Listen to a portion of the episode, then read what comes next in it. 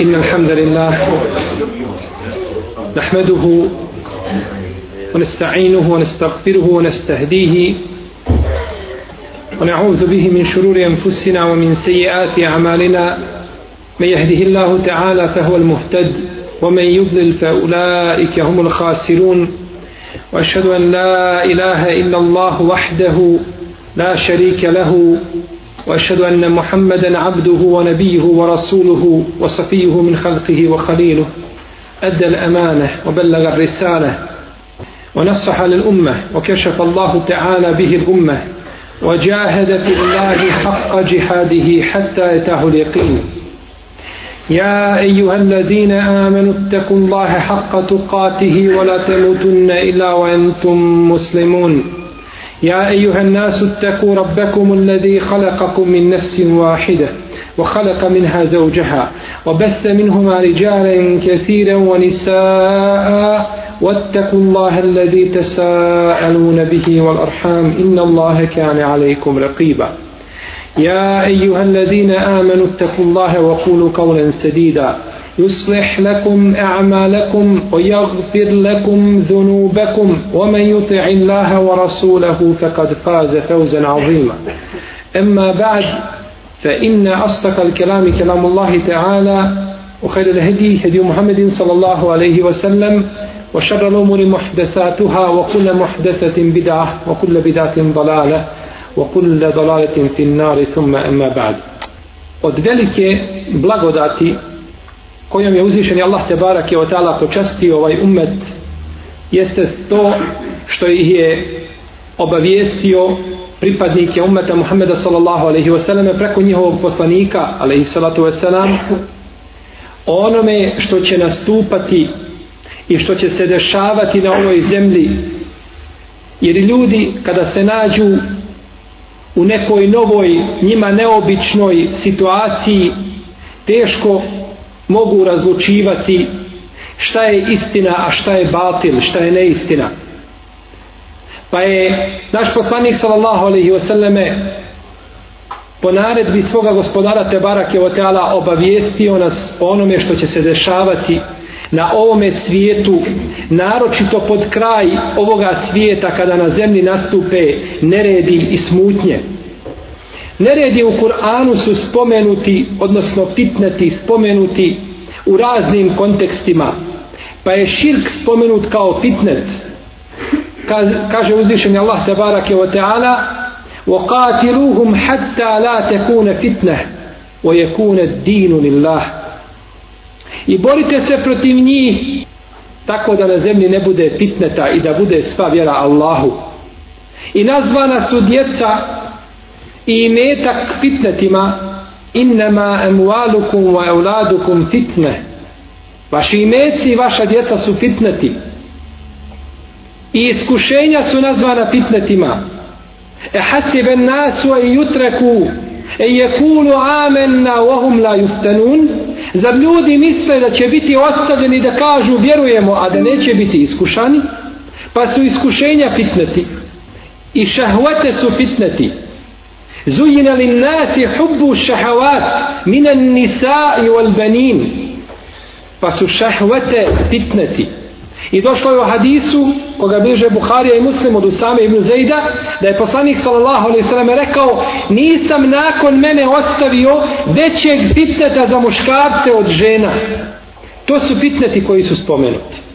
No međutim nas zanima jedna vrsta fitneta A to su fitneti koji će nastupiti na zemlji u smislu nereda. Koji će pustošiti ljudska srca otuđivajući iman i vjerovanje iz ljudskih srca. I to je najopasniji vid fitneta koji može nastupiti svakako nakon širka. Bileže imam Bukharija i muslim od Usame radijallahu ta'ala anhu kaže Ešrafen nebiju sallallahu alaihi wasallame jaumen ala utumin min atamil medina jednoga se dana poslanik sallallahu alaihi sallam je popeo na utum a utum je jedno uzvišeno mjesto ili jedan objekat koji je uzvišen. Pa je pogledao u daljinu i rekao hel tarauna ma ara? Da li vi vidite ono što ja vidim? Pa su kazali la ja Rasulallah ne vidimo Allahu poslaniče. Pa je rekao sallallahu alaihi wasallame fa inni ara fitane taqau hilale bujutikum ke waka il qatar ja vidim fitnete vidim nerede koji padaju po vašim kućama kao što kiša pada. To je poslanik sallallahu alaihi wasallame kazao ashabima, najboljoj generaciji muslimana koja je ikada kročila po zemaljskoj, po zemaljskoj kugli. Pa ako je ovakva situacija bila u vrijeme ashaba da fitneti padaju po njihovim kućama, što mislite kako je kakav je slučaj sa fitnetima u naše vrijeme kada su se ljudi pokvarili i kada su se udaljili od Allahove te barake od knjige i sunneta poslanika sallallahu alaihi wasallame Jer vrijeme kako odmiče od sudnjega dana sve biva teže i teže, gore i gore kako je došlo u hadisu Enesa koga bileže Buharija i Muslim.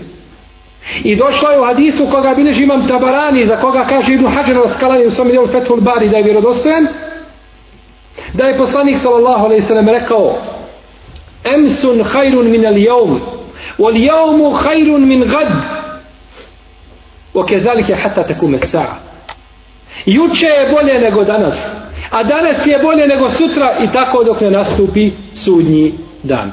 Što ukazuje znači kako vrijeme prolaze da dolaze sve teža vremena i da dolaze sve teži periodi za vjernike. Ovo su bili početci fitneta koji su zadesili najbolju generaciju muslimana.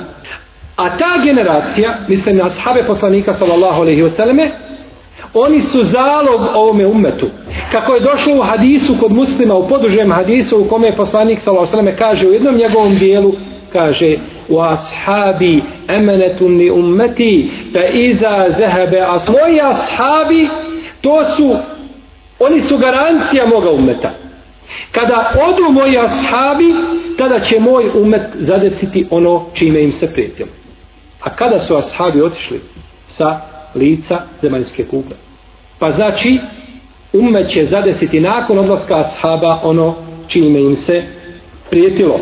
Došlo je u Buharinov sahihu od Ebu Horeira radijallahu ta'ala anhu da je poslanik sallallahu alaihi wasallam rekao La tekumu sa'a hatta yamurra ar ređulu bi kabri ar ređuli fe je kule ja lejteni mekane. Neće nastupiti sudnji dan dok čovjek ne prođe pored kabra drugog čovjeka i ne kaže kamo sreće da sam na njegovom mjestu. Kamo sreće da sam na njegovom mjestu. Pogledajte znači kakvi će fitneti biti i neredi da će čovjek poželjeti smrt. Tako vam Allaha, recite mi, otkad se to zavidi čovjeku koji je u kabru? Ko to zavidi mrtvom čovjeku? Taman bio najbogatiji Taman bio najučeniji, možemo zavisiti zbog njegovog znanja, ali nikako zbog smrti. Taman bio najpametniji, taman bio najpoznatiji, najugledniji, nikada se mrtvom čovjeku ne zavidi. No međutim, doće vrijeme kada će se i mrtvacima zavideti. I kada ćeš kamo sreće da sam ja na tvome mjestu, a da ti proživljavaš ovo što ja, što ja proživljavam.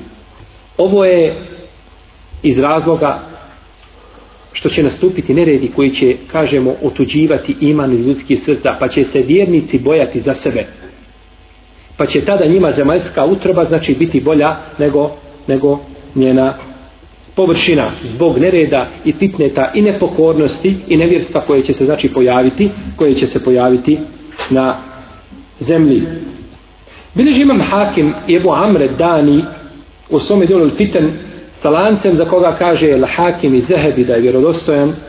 Od Ebu Seleme radijallahu anhu da je rekao kaže došao sam da obiđem Ebu Hureyru dok je bio bolestan. Pa sam ga privio na svoje grudi i rekao Allahu moj izliječi Ebu Hureyru. Pa je rekao Ebu Hureyre Allahu nemoj uslišati njegovu dovu. Pa mu je rekao Ebu Hureyre o Ebu Seleme doći će fitneti pa ako možeš umiri bolje ti je. Umiri sada. Pa je rekao o Ebu Horeire pa mi volimo život. Kako smrt spominješ? Mi molimo da živimo.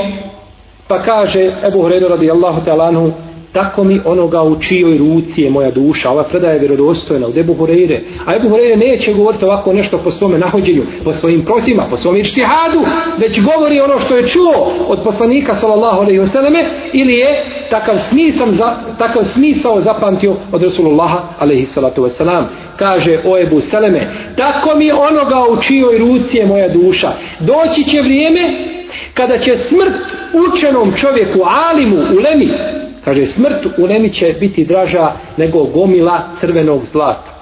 I prolazi će čovjek pored kabura drugog čovjeka i kazat će kamo sreće da sam na tome mjestu. Pogledajte ovdje imamo dvije situacije. Imamo učenog čovjeka koji voli smrt više nego gomilu crvenog zlata. To je posebno vrijedna vrsta zlata. A imate obični svijet koji prođe pored kabura čovjeka i kaže kamo sreće da sam na tvome mjestu. Kada bi možda običnom čovjeku dao gomilu zlata, on bi volio da živi u tim fitnetima. A ne zna možda da bi zbog te gomile bio ubijen ili mučen i o tome. Zar nije došlo kod muslima u njegovom sahihu od Ebu Horeire radijallahu anhu da je kazao, rekao je poslanik sallallahu alaihi sallam, otkriće rijeka El Furat, otkriće brdo zlata, pa će ljudi doći i ubijati se zbog tog zlata. Pa će od svake stotine poginuti 99 ljudi. A svaki će od njih govoriti, možda će biti ja koji će preživjeti. Ali nijedan ne odustaje. Od čega? Znaju da od svake stotine gine jedan i svako od njih kaže, možda sam ja taj koji ću proći kroz to iskušenje. Rijeka Furat otkriće, otkriće znači brdo, brdo zlata. A rijeka El Furat je od džennetskih rijeka kako je rekao poslanik sallallahu alejhi u hadisu koga bližima Muslim od Ebu Hurajre kaže četiri rijeke su džennetske Nil, Al-Furat, Sejhan Ođejhan. To su četiri rijeke koje su džennetske rijeke. Kako? Allahu Teala alem kako? Kako dolaze na zemlju iz dženneta? Allahu Teala alem na nama je da vjerujemo da su to džennetske rijeke. Da nas je uzvišen Allah te bar počastio džennetskim rijekama još na ovome, još na ovome svijetu.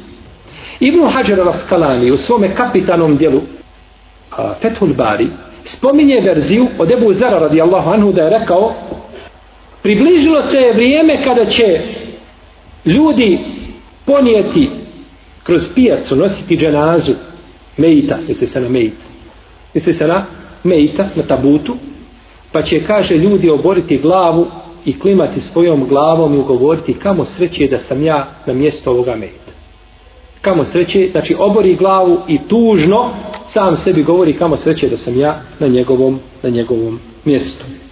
I bileže imam Buharija u svome sahihu od Ebu Sejda al-Hudrija radijallahu anhu da je poslanik sallallahu alaihi sallam rekao Jušiko je kune hajde malil muslimi ganemun jetbe'u biha ša'af al-đibal o mevaqi al-qatar je firru bi dinihi min al-fitan Približilo se je vrijeme kada će najbolji imetak čovjeka biti njegova stoka sitna, ovce i koze, sa kojima će pobjeći u brda, napasati svoju stoku i silazit će u doline da napaja tu stoku, jer na vrhovima brda nema vode, nego siđe u dolinu, napoji stoku i ponovo ih vrati, znači pobjegne sa svojim imetkom je firru bidinihi minel fitan bježi sam vjerom od fitneta i nereda koji će, koji će nastupiti.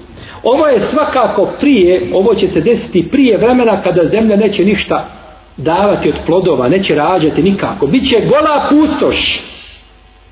Došlo je u hadisu koga bilježi ima Mahmed jebu Jala od Enesa radijallahu anhu da je poslanik sallallahu alaihi sallam rekao La tekumu sa'a hatta yumpara an-nasu mataran amen wala tumbitu al-ardu shay'a.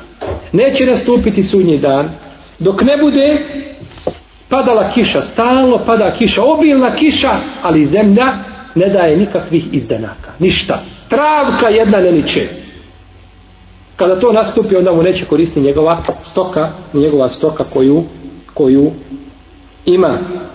I rekao je poslanik sallallahu alejhi ve selleme za ovo vrijeme u hadisu koga bilježi vam Tirmizi sa vjerodostojnim lancem prenosilaca od Umu Malik al-Bahzije radijallahu ta'ala anha kaže inna khayra an-nasi fil fitani rajulun fi mashiyatihi yuaddi haqqaha wa ya'budu rabbah Najbolji čovjek u fitnetima i u neredima koji nastupe, bit će čovjek koji će otići sa svojom stokom mašije, misli se na deve i na krave i na sitnu stoku koji će otići sa svojom stokom i napasati ih i koji će plaćati, davati zekijat na tu stoku i koji obožava svoga gospodara. To je prva vrsta od onih koji su najbolji.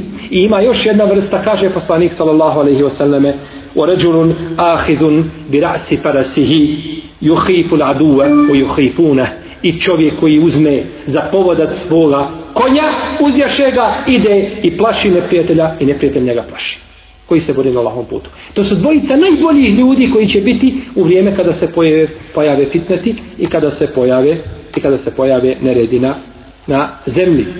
Svakako prije tih fitneta čovjeku je bolje da biva sa ljudima, da se ne odvaja od ljudi. Jer poslanik sallallahu alejhi ve selleme kaže u hadisu koga bilježi imam Tirmizi od Ibnu Omara el mu'minu الذي يخالط الناس ويصبر على اذاهم افضل من المؤمن الذي لا يخالط الناس ولا يصبر على اذاهم مؤمن koji se miješa sa ljudima i trpi njihove uvrede i njihove zijete, uznemiravanja, je bolji od čovjeka koji se ne miješa sa ljudima i ne trpi njihove zijete, koji se povuče. Povlačenje to, ili el uzle, je propisano samo znači u vremenu kada se čovjek boji za svoju vjeru, da neće moći znači spasiti, da neće moći spasiti sebe od, od fitneta.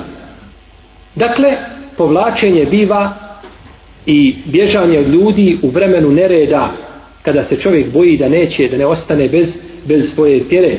Jer je došlo kod muslima u njegovom sahih, anhu, da je poslanik sallallahu sallam rekao tu'radu l-fitenu ala kulubi kel hasiri uden uda srca će biti izlagana fitnetima kao što hasura biva izlagana znači jedan po jedan konac se u nju uvlači, e tako i srce. Znači, dolazi jedan po jedan dio i prekriva srce. Pa koje srce upije taj fitnet, stavi mu se jedna tačka na, njego, na njega. A koje ga odbije, crna tačka. A koje srce odbije taj fitnet, kako je šehol Islam Ibn Taymiye savjetovao svoga učenika Ibn Kajima, da se Allah smiluje svima njima, kaže učini svoje srce kao ogledalo, a nemoj ga učiniti kao spužbu. Jer na ogledalo koja god zraka padne šta, šta biva sa zrakom? Lomi se i vraća se pod istim kutom. Ali spužva koja god kap padne samo jedva čeka da je upije. Jedva čeka da je upije. Učini, kaže, svoje srce kao ogledalo, a nemoj učiniti svoju, svoje srce kao spužvu. Pa kaže Uzeifa radijallahu ta'ala da je poslanik sa osam rekao pa koje srce upije taj fitnet prihvati ga, upadne u njega bit će stavljena na njega, bit će stavljena na njega jedna crna tačka. A srce koje odbije taj fitnet bit će stavljena bijela tačka tako da će postati dvije vrste srca. Srce bijelo čisto srce mu'mina neće mu smetati fitneti dok postoje nebesa i zemlja. Tako kaže Rasulullah sallallahu alaihi sallam I druga vrsta srca, crno srce, garavo srce, kelkuzi muđahija, kao obr okrenuta čaša.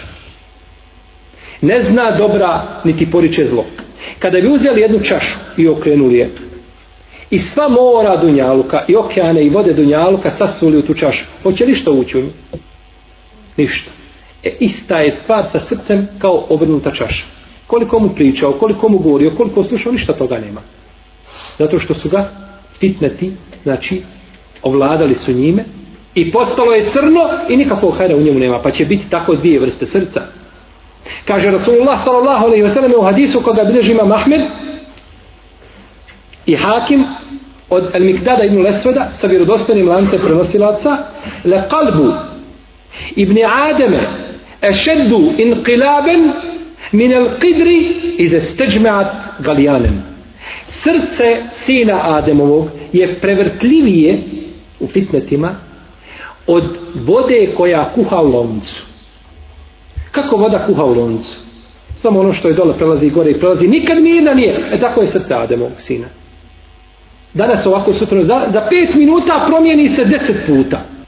Pa šta mislite onda takvo srce Tako je po prirodi kada se izloži fitnetima. Šta ostaje od njega? Jer čovjek kada vidi nekoga kako je upao u fitnete, lahko se povede za njim, lahko upadne. Ko lanac, ko oni zupčanici, dok se jedan pokrene, svi se pokrenu. Poslanik sallallahu sallam kaže u hadisu, koga bilježi imam hakim koji je vjerodostojan, vi ćete slijediti one koji su bili prije vas stopu po stopu, pedalj po pedalj, poznati hadis, oni u osnovi kod Buhari i kod muslima. Ali vam verziju navodim od imama Hakima gdje kaže, čak kaže, kada bi neko od njih, od njih, povalio svoju ženu pored puta i sa njom općio i vi biste tako radili. U predaji kod Elbezara, koja je vjerodostojna, kaže, kada bi neko od njih povalio svoju majku pored puta i sa njom općio i vi biste isto činili. To kaže Rasulullah sallallahu koji ne priča po svojim prohtjevima. I sigurno znamo, kada bi oni majkom općili pored puta, da bi bilo od muslimana koji su tako uradili. Kaže Ammar ibn Jasir, sreo sam Aliju radijallahu ta'alanu na pijaci i cukao svoju sablju ide, pa sam ga upitao kuda ideš? Amidžiću poslanika sallallahu sallam. Kaže idem ubiti toga i toga čovjeka. Naredio mi je poslanik sallallahu sallam jer je općio sa svojom majkom. Šehveti kada prorade u čovjeku, tada nema granica.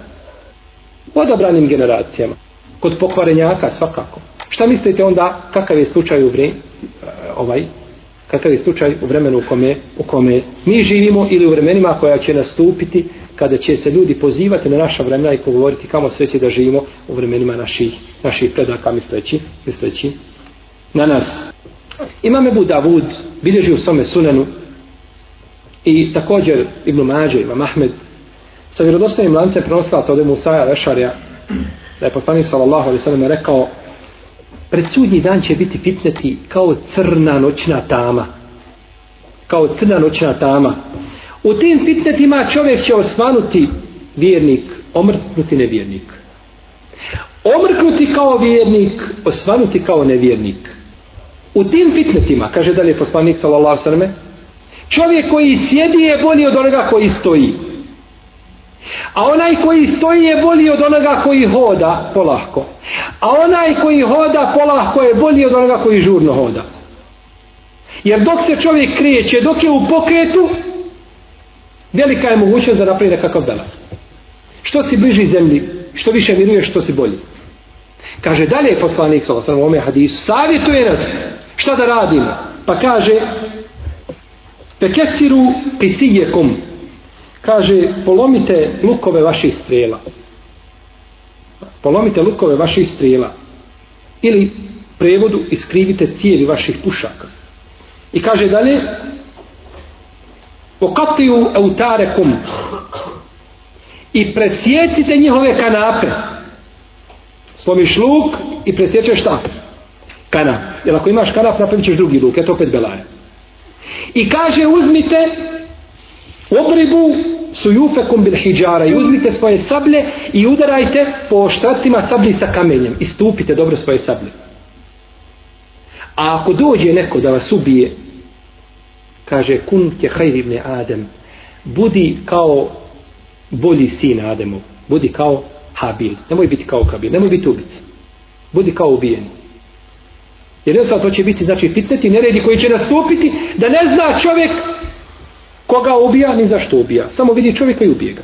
Da ga upitaš kako mu je ime, kako se zove, šta je uradio, zašto si ga ubio, pojma nema. Kako ne zna onaj što ubio, tako ni ubijeni ne zna zašto je ubio. Pa kaže ovdje poslanik sallallahu alaihi sallame, slomite lukove svojih strela i presjeste njihove kanape i stupite, i stupite svoje sablje. Bileži imam tirmizi ibn Mađe sa vjerodostojnim lancem prenosilaca da je došao Ali radijallahu ta'ala anhu kod Ubeja ibn Kaaba kada je bio fitnet između Ali i Muavije da je Allah zadovoljno sa njima svima. I molim Allah za da nas spoji u dženetu sa Muavijom. Da mu je došao pa kaže izađi kaže sa mnom da se borimo. Pa kaže svakako. Svakako da ću izaći s tobom. Kaže meni je moj Halil, bliski prijatelj, misli na poslanika sallallahu alaihi wasallam oporučio kada se pojave fitneti kada se ljudi raziđu Kaže da sebi napravim sablju od drveta. Kaže ja sam sebi napravio sablju od drveta pa ako hoćeš izaći s tobom. Pa se Alija radi Allah talana okrenuo i otišao. Nije htio stati kao Ibnu Omar. Ibnu Omar ni sa kim nije stao. Čak je Ajša radijallahu ta'ala talana govorila kamo sreće, kaže, što mi izabrani Ibn Omera da stavim na bilo čiju stranu? Jer u fitnetima često, znači čovjek se ne može postaviti realno i ne može, znači ocijeniti situaciju gdje je hak, a gdje je suprotno, a gdje je suprotno tome. Stoga je poslanik sallallahu sallam rekao u hadisu koga bilježi imam Ebu Davud i bilježi ga također Tabarani, rekao je inne sa'ide lemen džunni bel fitan i to je ponovio tri puta. Sretan je onaj ko pobjegne od fitneta. Ko se kloni fitneta i to je Rasulullah sallallahu sallam ponovio, ponovio tri puta. I rekao je u hadisu koga bilježi imam Tirmizi u Denesa i koji isto tako vjerodostojan, doći će ljudima vrijeme kada će čovjek koji se bude držao sunneta, koji se bude držao za svoju vjeru, biti kao onaj koji je uhvatio za žaravicu. Čovjek koji drži žaravicu u ruci, peče ga. Što god više steže, više ga šta? Peče. Što god popusti lakše mu. Kada ispruži dlan još mu lakše, jer je tamo, sada tamo, samo sredina dlana se peče. A kad je baci iz ruke najlakše. Kada baciš islam i uzmeš ovaj džehennemsku onu ulaznicu saveza komunista i slično tome, najlakše, ništa te ne peče, lijepo te na dunjavku. Kaže, bit će čao, subhanallah, pogledajte preciznosti, kao čovjek koji uhatio žaravicu. Ko želi da bude čvrst, mora trpiti, mora peče ga, ali on trpi i neće to da pusti. Nema znači ništa što ga može odvojiti od Allahove te barake, od teala vjere. Jer će čovjek za svaku tu stvar biti nagrađen na dunjaluku. Za razliku od kjafira. Nema, njegovo je na što jede i pije, to mu je nagrada. A vjernik ima nagradu na dunjaluku i na ahiretu. Zar nije rekao poslanik sallallahu alejhi kada prođete pored kabura bilo kog nevjernika, te beširuhu bin nar, obradujte ga vatrom. A šta nam je rekao kada prolazimo pored kabura muslimana? Assalamu alaikum dijare kao min mu'minin. Neka je selam na vas, stanovnici, vjernici, stanovnici tih kaburova. Pa je vjernik u hajru, a nevjernik je, nevjernik je uvijek u, u šarru. U hadisu koga bilježi imam Ebu Davud, imam Ahmed i Buhari u svojoj povijesti, da koga kaže šeh Albani, rahimehullahu ta'ala, da je vjerodostojan, rekao je poslanik sallallahu alaihi wasallam, ummeti ummetun marhume, lejse alaiha azabun fil ahire, azabuha fil dunja, el fitenu, oz zelazilu, ol katru. Moj ummet je ummet kome se uzvišeni Allah smilovao. Nemaju na ahiretu nikakvih kazni. Znači ahiretskih kazni nemaju. Njihove kazne su na Dunjaluku, a to su potresi i to su fitneti i to je ubistvo. Znači nema kazne na ahiretu, nego njihova kazna misli se na većinu ili najbolji dio toga umeta. Sigurno ne na sve, jer će biti ljudi koji će biti kaženi od ovoga umeta koji će biti kaženi u džehennemu i vječno boriti u džehennemu.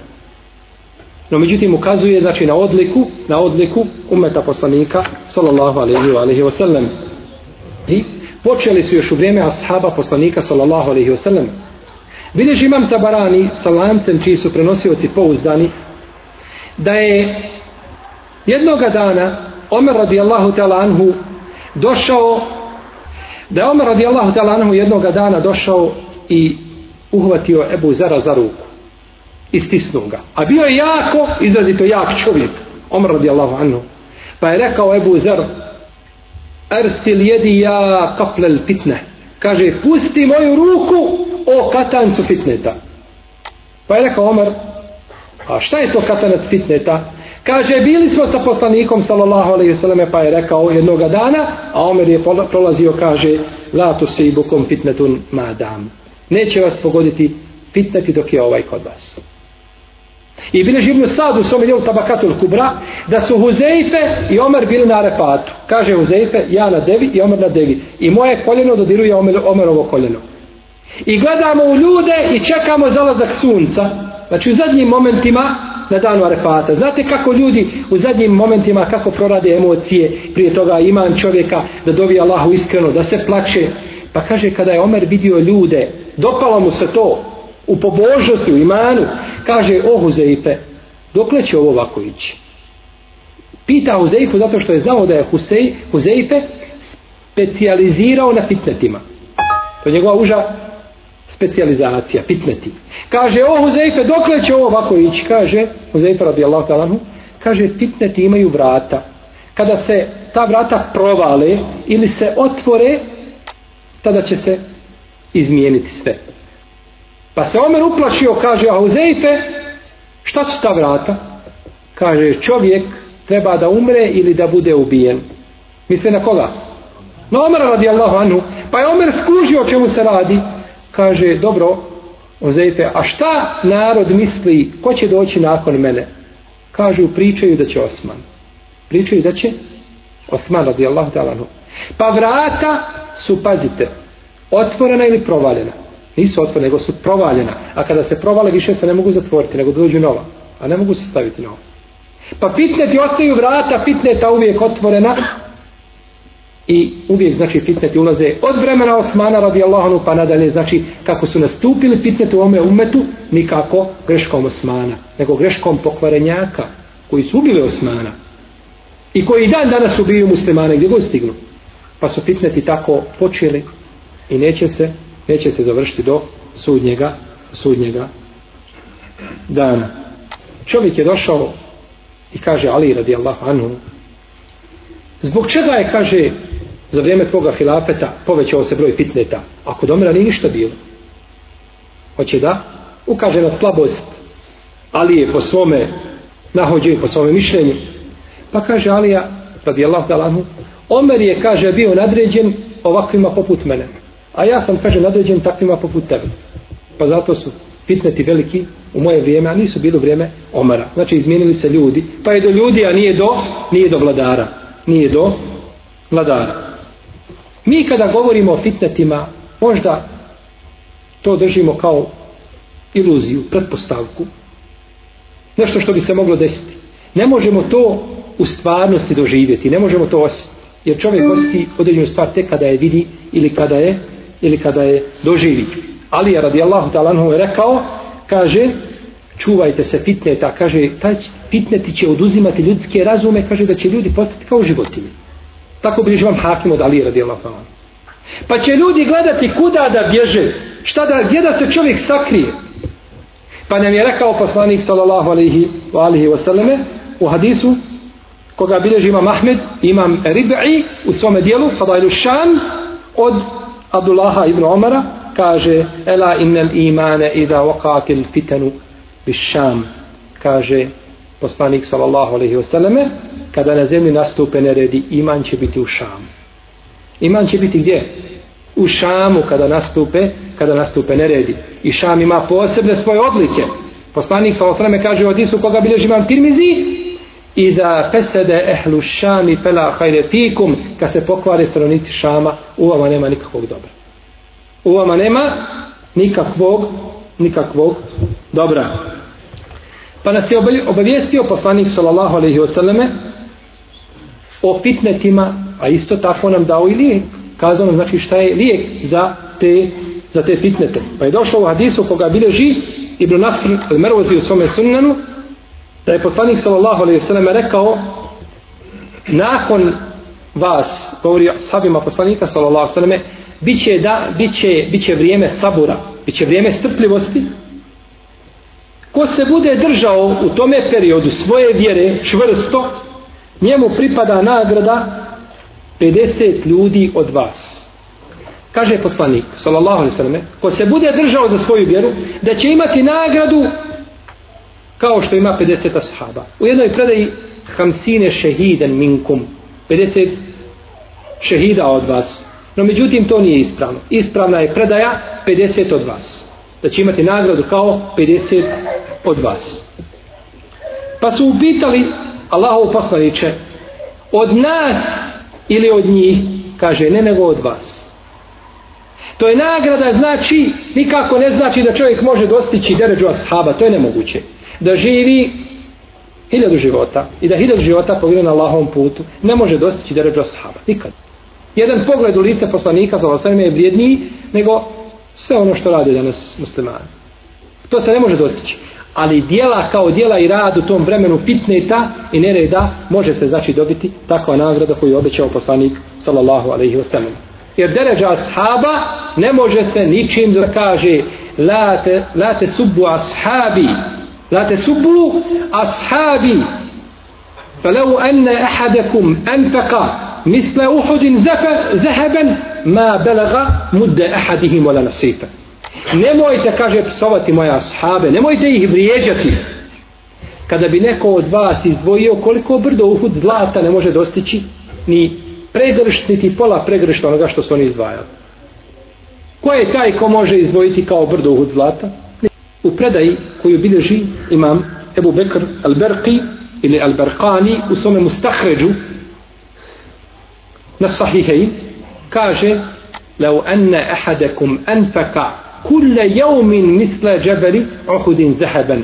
Kada bi neko od vas svakoga dana davao koliko brdo uhud zlata, ne može dostići ono što sa sahabi. Svaki dan da daje čovjek sedake kao brdo uhud zlata, ne može opet dostići deređu koga? Ashaba, jednog od ashaba poslanika sallallahu alaihi wa sallam. Znadete li kome je ovo rekao poslanik sallallahu alaihi wa sallam? Ove riječi? Znate li kome je rekao nemojte psovati moja ashabe? Je li rekao tabinima? Ne može tabinima. Nego je rekao braćo ove riječi Halidu ibn Validu. Radijallahu talanu.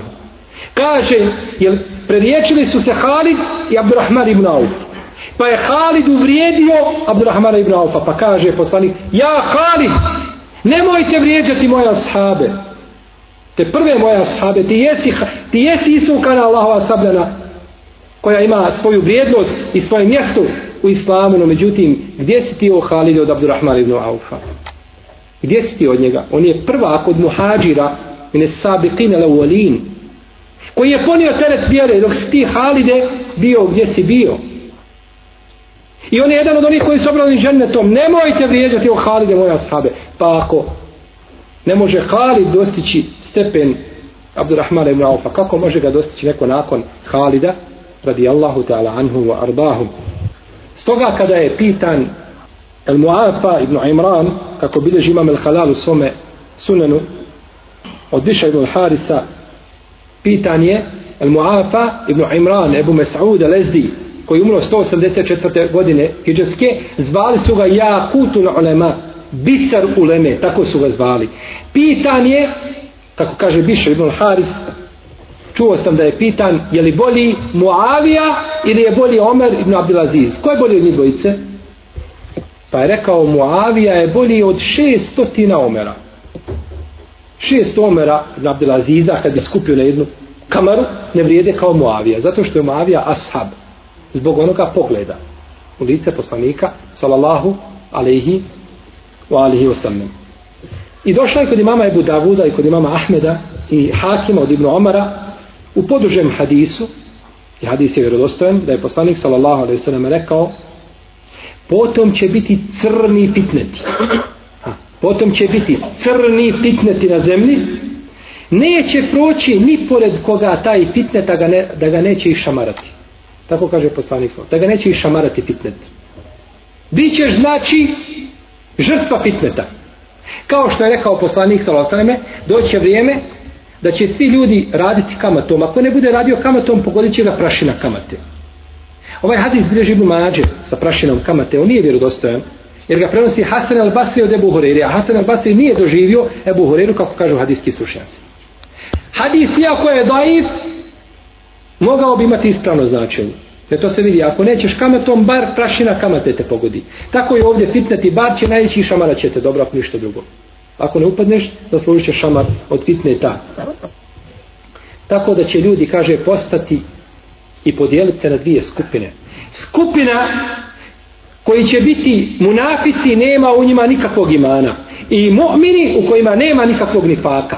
I kaže dalje poslanik salosrame, kada se to desi, očekivajte danas ili sutra da će vam se pojaviti država. Kada se to desi, kada se ljudi podijele, e onda očekivajte, znači da će vam se pojaviti Ed-Dajjal. Pogledajte kako je znači poslanik sallallahu alejhi ve selleme na jako precizan i lijep slikovit način nama opisao nastup fitneta, kako da se čuvamo fitneta, šta će se dešavati, tako da čovjek nema nikakvog opravdanja na sudnjem danu. ako upadne u njih. Jer si imao onoga ko te upozorio na fitnete. I ovo je blagodat Allaha te bar prema nama i odlika, jer priješnji narode nisu upozorani na ovakav način kao što smo mi upozoreni znači na, na, ove, na ove fitnete.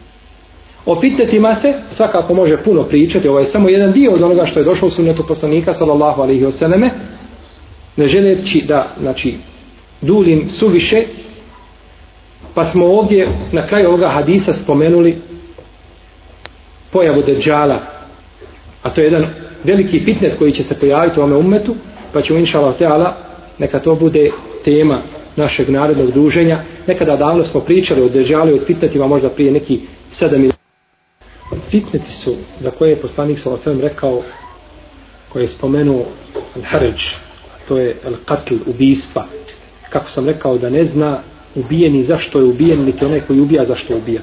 Znači jednostavno fitneti čovjek bi morao nekoga ići ubijeti ne zna ni zašto ni kako.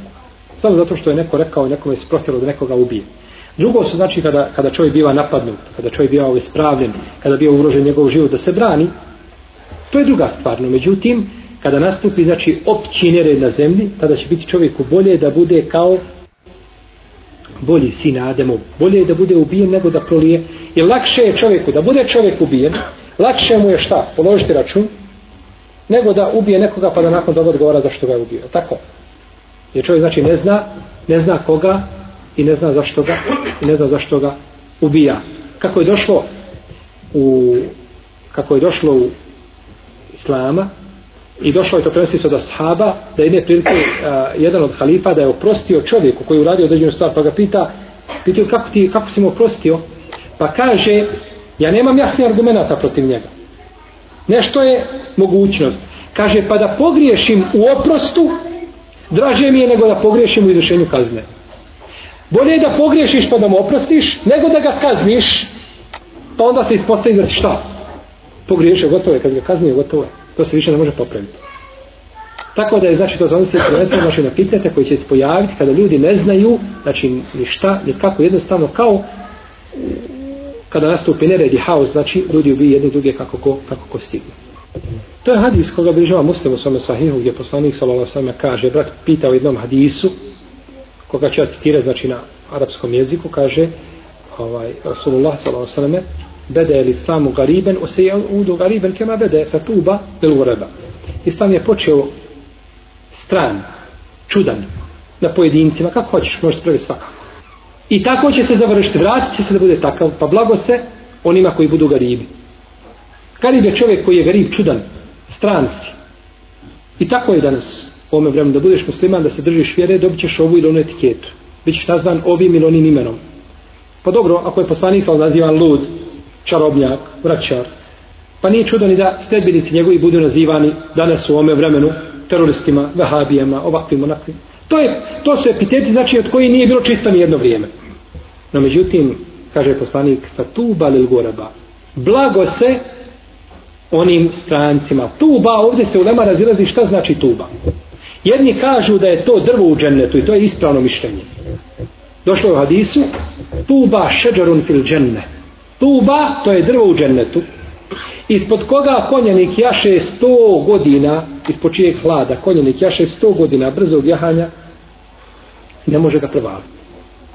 Kada uzmete, kada konjenik jaše sto godina, kada bi se to nekako, znači, pretvorilo u kilometražu nekakvu razdaljinu, vidjeli biste da je to možda nekoliko stotina puta kao prečnik zemlje.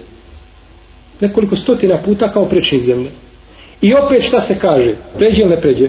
Ne može preći. Možda jaše i 200 ne može. Rečeno je 100. A koliko ima Allah zna? To drvo pripada jednom čovjeku. A deblo tog drveta je od zlata. A deblo tog drveta je od čega? Od zlata. Sa njegove krošnje izrasta dženecka odjeća. Samo je uzmeš i samo je navučeš. To je tuba, to je, to je znači nagrada onima koji se budu držali. Jer nije isto biti vjernik u vrijeme poslanika sallallahu alejhi ve selleme u ovome smislu držanja za vjeru i u naše vrijeme ili u vremenu fitneta pod kraj sudnjeg dana. To je velika razlika. Velika razlika. U vremenu znači kada je vladao šerijat, kada se držao, znači nikada se to, nikada se to ne može poistovjetiti. Jer je čovjek izložen znači većim izložen je, znači većim fitnetima i većim i većim neredima.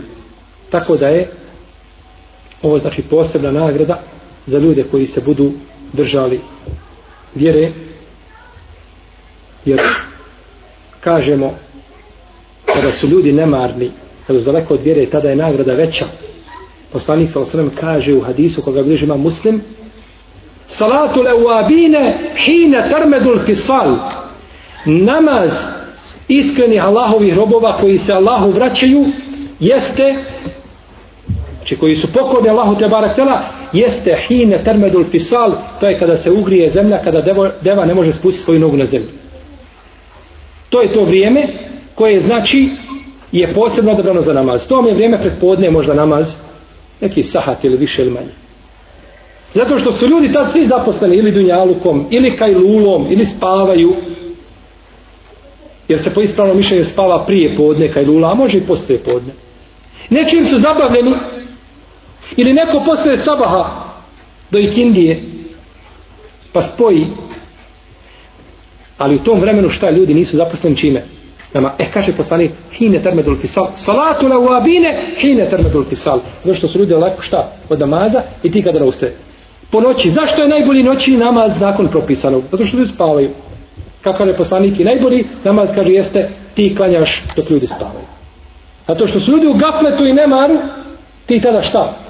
Ti si tada pokoran Allah. Tako je ovo. Ljudi svi na jednoj strani uživaju i naslađuju se dunjalukom a ti se držiš Allahovi propisa njegove vjere. Pa imaš posebnu nagradu to je drvo u džennetu.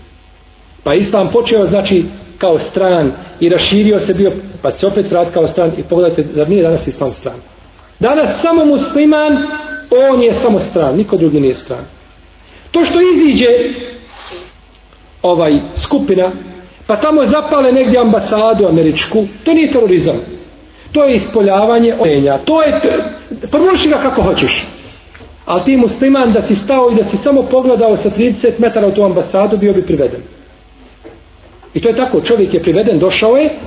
Samo što je došao u park sjeo preko puta ambasade preko šije puta ne smiješ sjediti jer je to zločin da sjedneš tu. Ovaj odmah je priveden. I to ljudi došla mu, došla mu kontrola 300 km daleko odatle da ga ispitivaju gdje si ti to sjedio i što si sjedio tu. Pa sjedio u svojoj zemlji, pa pravo da sjedim gdje hoću. On me je spavao pod drvetom, ali ja mogu sjesti u park da pojedem sandvič ili da popijem sok, tako? Ne, nemaš pravo, jer je to pa je musliman stan, da su muslimani ono uradili što su drugi uradili i da su divljali na onakav način, jedno mjesec dana sve bi novine bile išarane slikama i pi natpisima i početnim stranicama u pogredi muslimanima i njihovom terorizmu, tako zvano.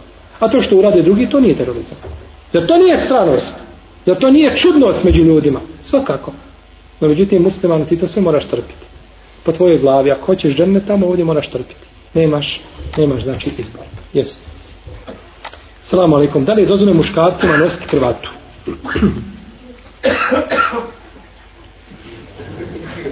Ahleno sehlen. Gdje taj muftija mali?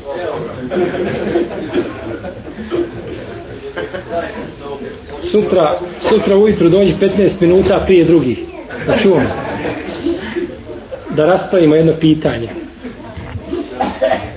Krvata ha, da li je dozvoljeno muškarci ono krvata potiče od nevjernika. Nije od muslimana.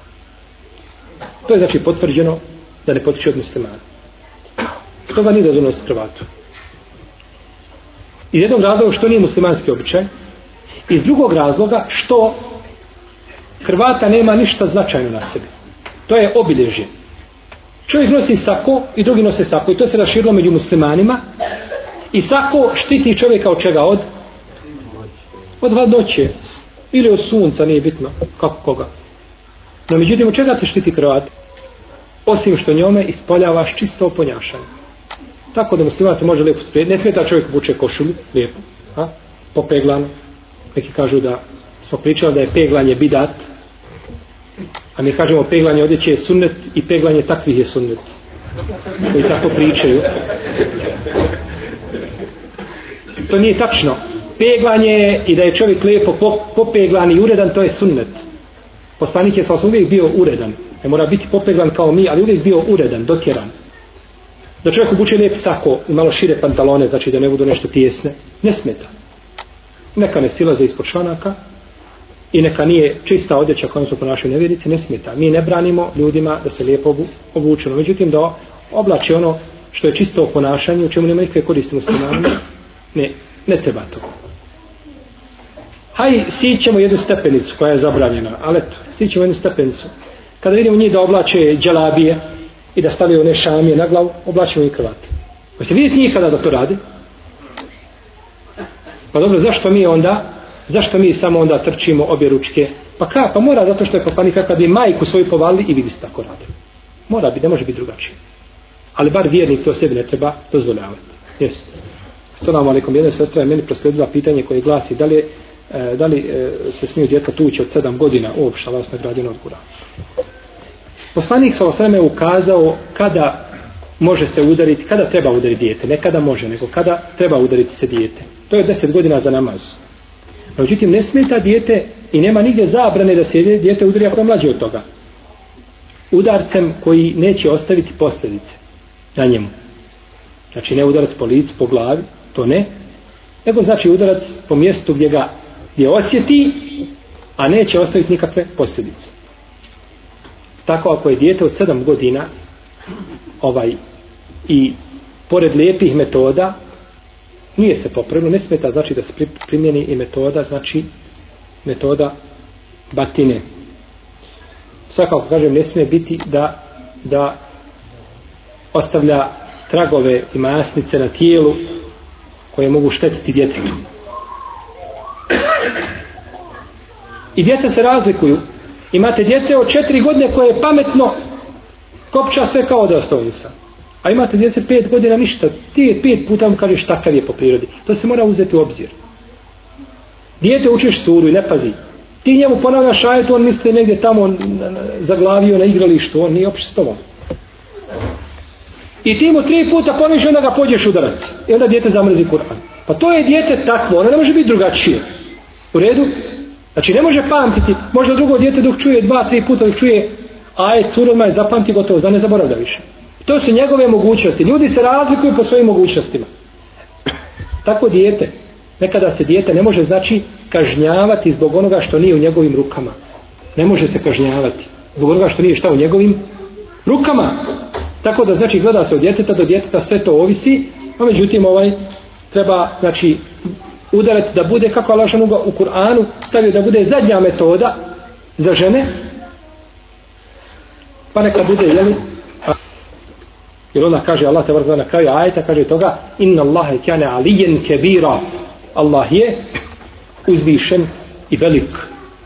Pa kako ti sprovodiš svoju silu nad Hanumom ili nad djetetom tako uzvišen je Allah može sprovoditi svoju silu nad, nad tobom kada bi htio. Molim? Žene treba šta? Žene je zabranjeno tući. Žene je zabranjeno tući.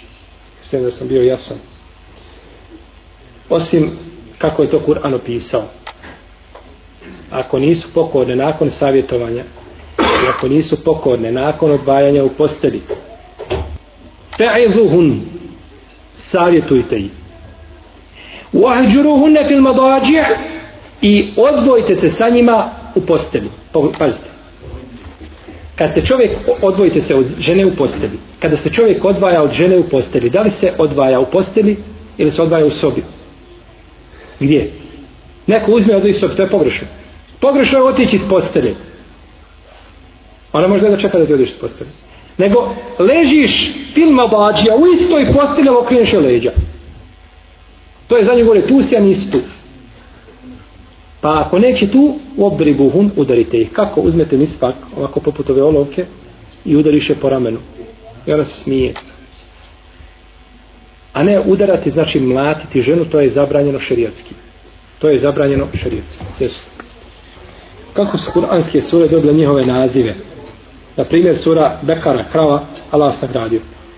Kur'anske sure su dobile naziv objavom poslanik sa osvijem kome je objavljena sura objavljena kako se zove ta sura i pojačujem ispravnije mišljenje da su to da su Kur'anske sure dobile taj naziv znači to nije štihad od poslanika sa osvijem da poredak sura u Kur'anu nije ičtihad poslanika sallallahu i da poredak ajeta u, su, u surama nije ičtihad. Jer je poslanik sa rekao, kaže, stavite taj taj ajet u tu i tu suru iza tog, a ispred tog i tog ajeta. Pa je to šta? Ičtihad ili riječi? Da je ičtihad bio staviti ga bilo gdje u suru, dakle drugo stavite može. Ne. Znači, poredak ajeta i naziv sura, sve je to od Allaha te barake o teala, znači objavom. Salam alaikum, da li je dozvoljena vještačka oplodnja, naravno svog muža, znači žena i muškarci, a, vještačka ta oplodnja. Boga mi tu ovaj, ima od uleme ima različitih pogleda, jer kažu da je žena tada izložena da pokazuje svoje stidno mjesto muškarcima i da se gleda u njenu njena se sperma gleda, a to je isto stidno, stidni dio nje.